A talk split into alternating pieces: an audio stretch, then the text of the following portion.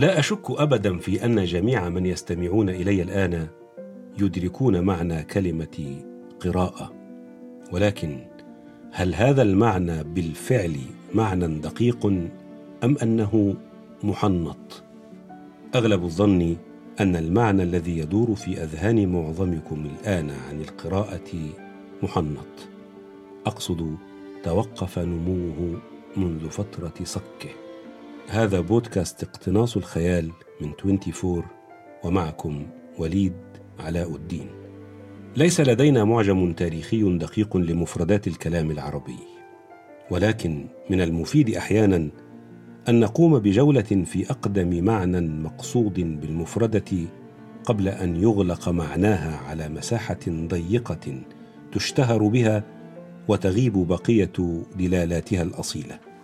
وهنا محاولة أرجو أن تفي بالغرض الذي نقصده وهو تحرير فعل القراءة من أسر المصطلح حتى نعيد إليها قدرتها على تخصيب الخيال وصياغة العقل القارئ. ماذا تقول المعاجم عن الفعل قرأ؟ قرأ الكتاب ونحوه أي تتبع كلماته نظرا. قرأ علامات الغضب على وجهه لاحظها فراسة أو عادة. قرأ الشيء قرأ وقرآنا جمعه وضم بعضه إلى بعض. قرأ ما بين السطور فهم الأمر المضمر واستشف المعنى الضمني. قرأ المرأة والمصدر واحد حبسها للاستبراء لتنقضي عدتها. والقرء والجمع أقراء وقروء هو مصطلح تجزئة فهو مدة من الوقت أو من غيره تستخدم للحساب. فلنجمع الآن دلالات مفردة القراءة التي استخلصناها من جولتنا في المعاجم. النظر والتتبع جمع وضم الأجزاء لتكوين معنى أو لفهم الأمر المضمر. إنه أمر يشبه تجزئة الكل أو تحليله لإعادة تركيبه وتتبع الأجزاء املا في استكمال المعنى. دعونا نتأمل أشهر استعمال موثق شفاهة ثم تدوينا للفعل اقرأ وهو ما ورد في القرآن الكريم في الآية المكية التي تحظى بالإجماع على أنها أول ما نزل من القرآن يعني أول خطاب إلهي لرسول الله. فإذا تذكرنا أن الرأي الغالب عند المؤرخين والمفسرين أن النبي الكريم كان لا يقرأ ولا يكتب وأن الكتاب بالمعنى الاصطلاحي الذي نعرفه الآن لم يكن مصدر معرفة اساسيا في ذلك الزمن وأن الشفاهة كانت المصدر الأساس لكل المعلومات والمعارف والحكمة وأن التدوين كان في أقل مستوياته يكاد يكون محصورا في أغراض الحساب والتجارة والكهانة. إذا تذكرنا كل ذلك فإنه بمقدورنا التحرك بثقة خطوة إلى الأمام والقول بأن القراءة في أساسها تعني التأمل والانتباه والربط بين الأجزاء والتساؤل بحثا عن معنى. القراءة إذا عملية حوار عقلي مع كل مصدر للمعلومات وصولا إلى الحكمة باعتبارها قمة هرم البممح وهو تعريبي المضحك للاختصار الإنجليزي المعروف بال DIKW pyramid الذي يبدأ بالبيانات data وينتهي بالحكمة wisdom وبينهما المعلومات information والمعرفة knowledge.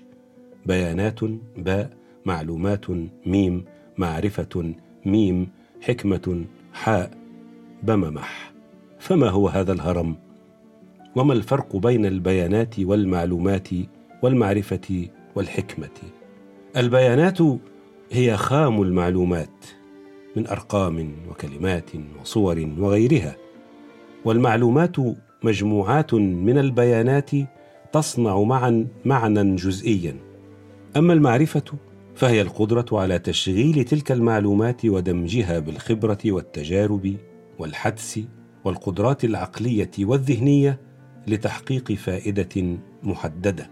ثم تأتي الحكمة في قمة الأمر وهي الخلاصة التي يمكن تعميمها من تجارب استخدام البيانات والمعلومات والمعارف في تحقيق الفوائد. كعادة كل المصطلحات في الدراسات الإنسانية تختلف التعريفات باختلاف زوايا الاهتمام ومداخل التناول وما استخدمناه هنا هو الحد الأدنى اللازم لاستكمال المناقشة والانتقال إلى السؤال الذي نريده ما وسائلنا لاستخدام ذلك كله؟ معالجة البيانات لبناء المعلومات واستخدام المعلومات لاستخلاص المعارف وتأمل المعارف وصولا إلى الحكمة. والجواب بشكل مباشر لا يحتاج إلى لف ودوران. الحواس. الحواس هي وسائلنا إلى البيانات والمعلومات والعقل والخيال هما وسيلتنا إلى المعارف والحكمة. علينا اذا تفكيك السؤال ما مصادري أين أجد المادة الخام الصالحة لتشغيل هرم الحكمة أو هرم المعرفة؟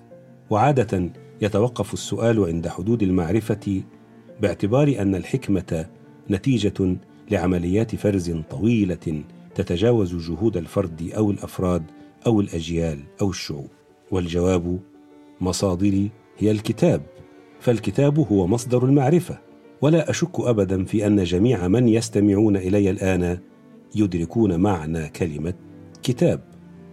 ولكن هل هذا المعنى بالفعل معنى دقيق أم أنه محنط؟ أغلب الظن أن المعنى الذي يدور في أذهان معظمكم الآن عن الكتاب محنط. أقصد توقف نموه منذ فترة. وعلينا معا أن نستعيد دلالاته الأصيلة لننجح في توظيفه وسيلة لتخصيب الخيال وصناعة العقل القارئ وهو ما نعدكم أن يكون محور حلقتنا المقبلة من بودكاست اقتناص الخيال.